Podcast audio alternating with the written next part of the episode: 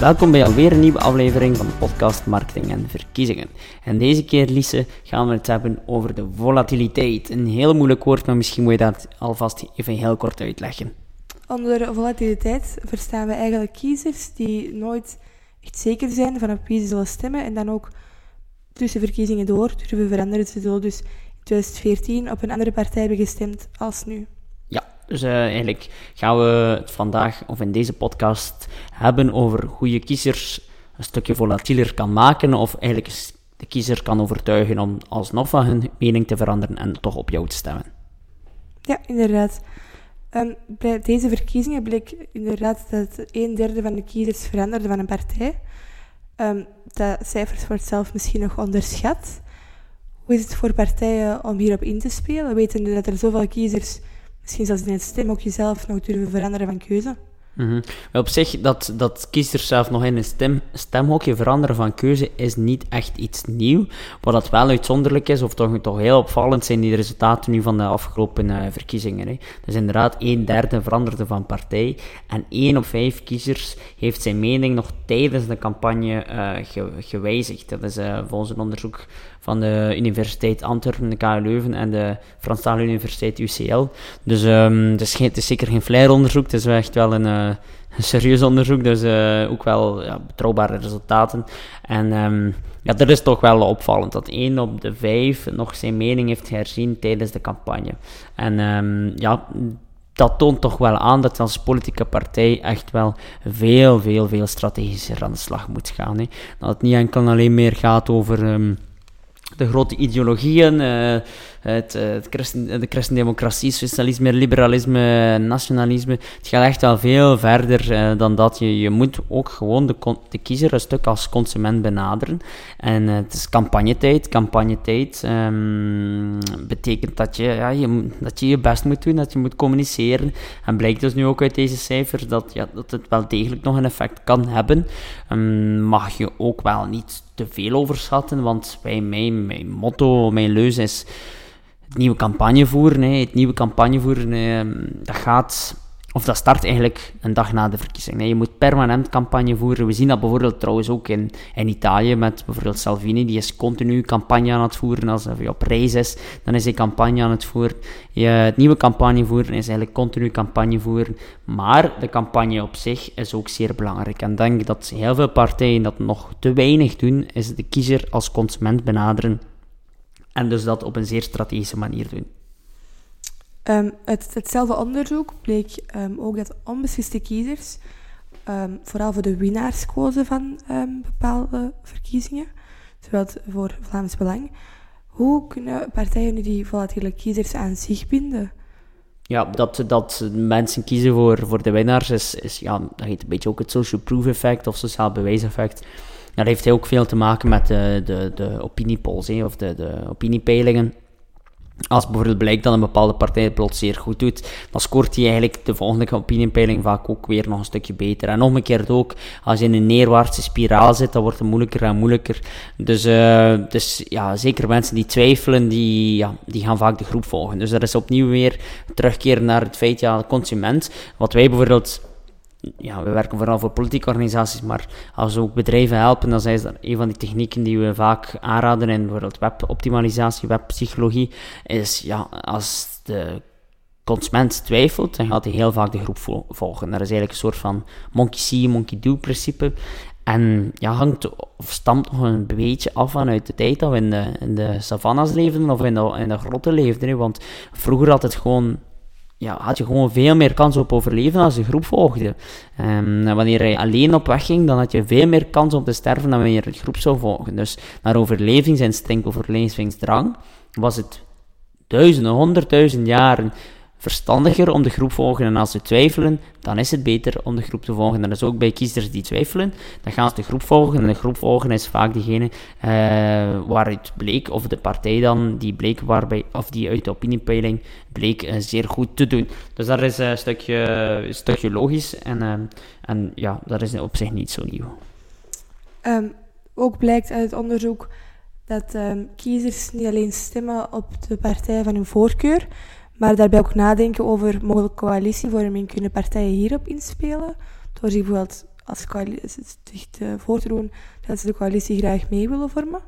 Ja, absoluut. Um, daar is trouwens ook iets wat dat voor de Franstalig België zeer hard werd uitgespeeld van, ja, denk maar even een paar jaar terug, of nu de afgelopen verkiezingen, en niemand wilde met de N-VA samenwerken, is eigenlijk dan tegenovergestelde door net te zeggen van ik ga nooit met die partij een coalitie vormen, dat je eigenlijk zo um, ja, probeert kiezerradio te binden. Dus dat is eigenlijk dat inderdaad wat je zegt, van mensen stemmen niet alleen op de partij, maar denken ook wel na over de coalitie.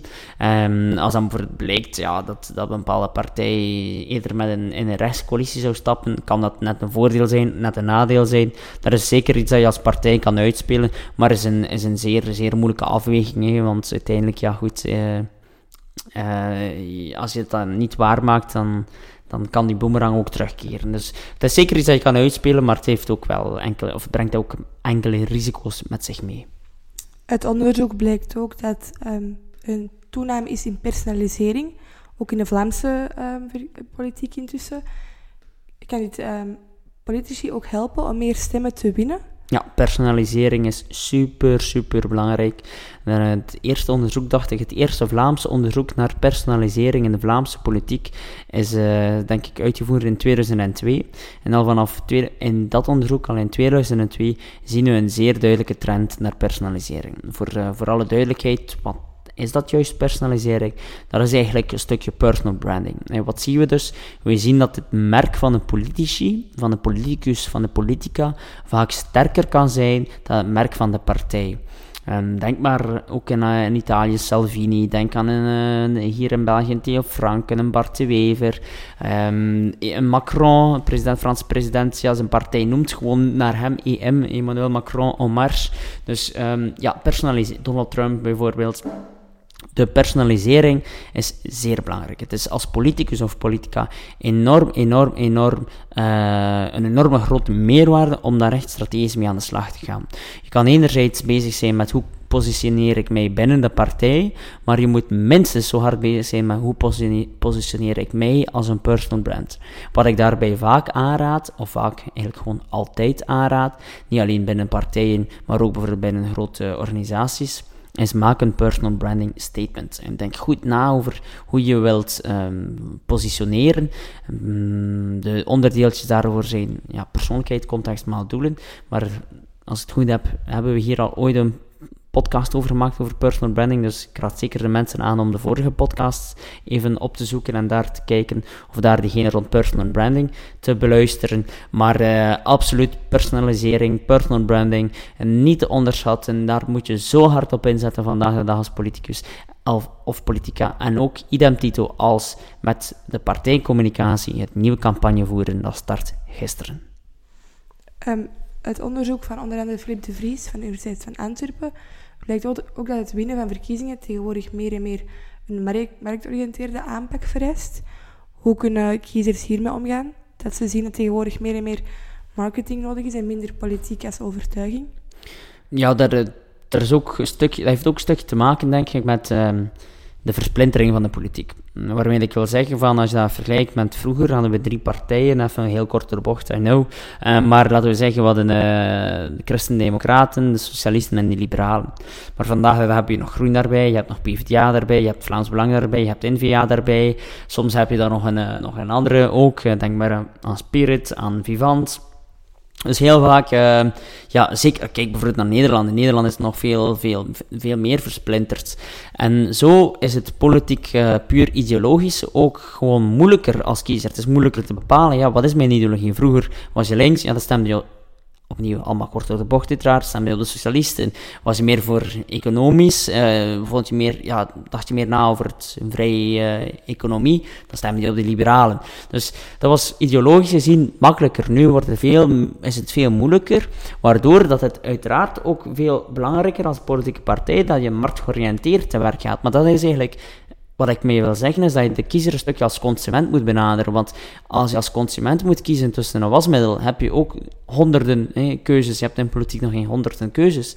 Maar dan gaat het heel vaak gewoon afhangen van de marketing, van de reclame, van de feeling die het product uitstraalt, van de associaties die je hebt met het product, van de prijs en nog andere zaken uiteraard ook. Dus um, ja, als die ideologie veel minder duidelijk is, dan moet je veel meer aan marketing doen, dan moet je veel meer associaties opbouwen, dan moet je veel meer aan reclame doen, moet je veel strategischer te werk gaan, moet je de juiste ambassadeurs zoeken, moet je de juiste painpunten raken bij de mensen, moet je de juiste oplossingen aanbieden. Dus dan moet je gewoon, ja, dan gaat het niet enkel en alleen meer over ideologie en welke maatschappelijke visie je hebt, maar gaat het gewoon over keiharde marketing. Net omdat er zoveel partijen zijn vandaag de dag, zijn er ook meer en meer stemtesten in omloop, twee weken voor de verkiezing. Kunnen die stemtesten volatiele kiezers helpen om hen um, uiteindelijk in een bepaald hokje te duwen? En hoe kunnen partijen er dan ook op inspelen dat ze meer naar hen toe trekken? Wel, de, de, de impact daarvan is beperkter dan wat je eigenlijk oorspronkelijk zou denken van een stemtest. Want dan hebben we het vooral over de cognitieve dissonantietheorie. Eigenlijk samengevat zeg je, um, voor mensen misschien die nog wel meer willen opzoeken, de cognitieve, die, die, cognitieve dissonantietheorie van Leon Festinger uit 1957. Uh, zeker eens googlen, een zeer, zeer belangrijke theorie in de politiek. En, um, en vandaag de dag absoluut met de sociale media en de filterbubbel. Maar uh, even terugkeren op je vraag, sorry Lise. Um, ja, die, die stemtesten die, die lijken meer impact te hebben dan ze effectief hebben, omdat mensen dus niet op zoek zijn naar informatie, maar mensen zijn op zoek naar confirmatie. En uh, als een stemtest volledig afwijkt van hun persoonlijke mening, dan gaan ze waarschijnlijk twijfels hebben, gaan ze niet zo volgen. Mensen willen vooral bevestigd worden in hun mening. En ze willen daar zien in die stemtest, oké, ik dacht al dat ik op die partij moet stemmen en nu weet ik het ook. De stemtest heeft het bevestigd. Dus uh, dat ten eerste. En ten tweede, heel veel mensen vullen ook die stemtest in met het algemene idee, ah, die partij had dat antwoorden, dan ga ik ook met dat antwoorden.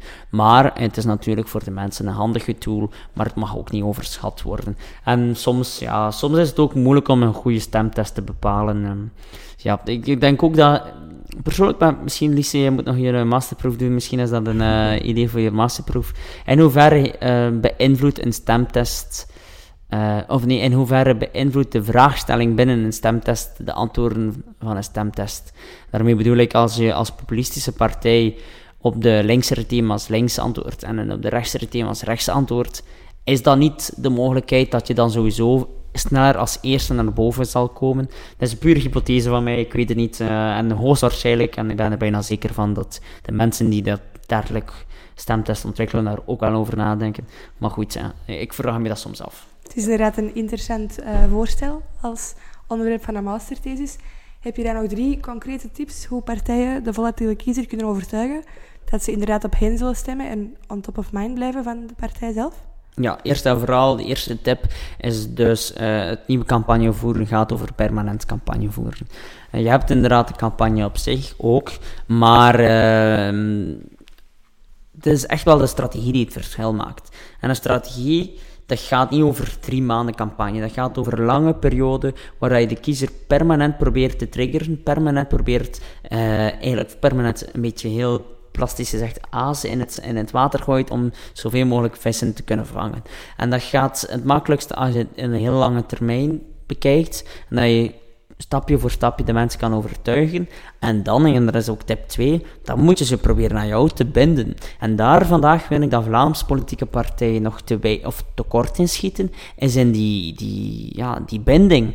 En voor de mensen die, die dan toch die cognitieve dissonantietheorie opzoeken, dan raad ik zeker ook aan om het COLA-principe op te zoeken. Dat is eigenlijk ons eigen marketingmodel die wij uh, ontwikkeld hebben voor bedrijven voor eh, om te communiceren aan consumenten.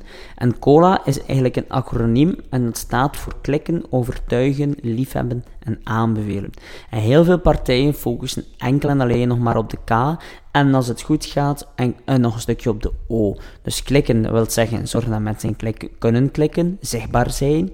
En O, overtuigen de mensen ook proberen te overtuigen. Maar als ze overtuigd zijn, dan moet je liefde geven. Dus de L van liefhebben liefde geven. Want uiteindelijk, zij die het meest liefde geven, krijgen ook het meest liefde terug. Dat is misschien allemaal wat uh, zeer uh, romantisch en, uh, en allemaal wat Cupido-achtig. Maar uiteindelijk um, is het gewoon zo, als je veel geeft, krijg je veel terug. Als je veel waarde geeft, veel liefde geeft, krijg je ook veel terug.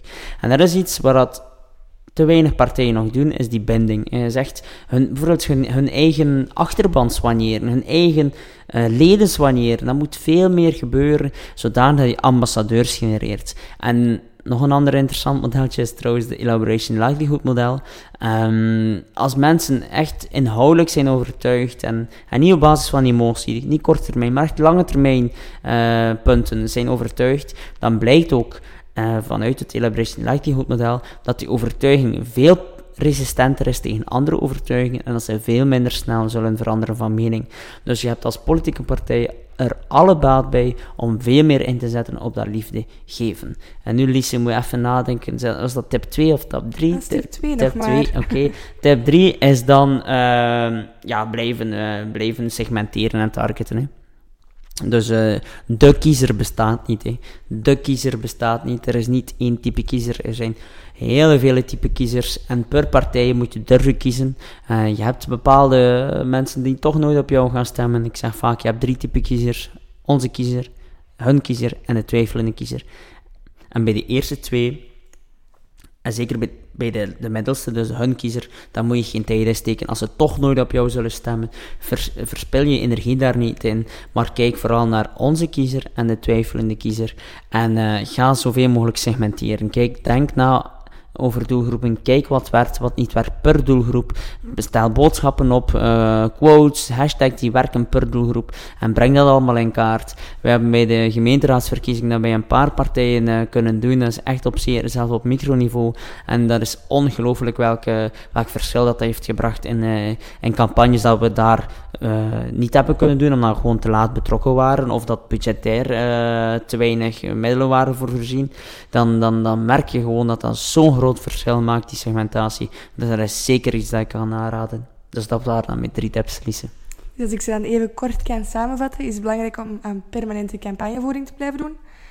Um, kiezers te binden door het COLA-principe, dus klikken, overtuigen, liefhebben en aanbevelen. En tenslotte ook efficiënte targeten van doelgroepen. Dat klopt volledig, perfect. Oké, dankjewel Reinoud. Met heel veel plezier. Ik hoop dat jullie het ook zo boeiend vonden. Als jullie nog meer informatie willen, neem dan dus zeker een kijkje op www.exposure.be. Ik deel er ook heel wat blogberichten over neuromarketing, sociale media en politieke communicatie. Laat mij gerust iets weten in de reacties via iTunes wat jullie van deze aflevering vonden. Zo kan ik nog meer inspelen op jullie interesses. En aarzel zeker niet om mij te contacteren indien je interesse hebt in een van de workshops. Wij geven heel veel fysieke workshops maar ook heel veel online workshops.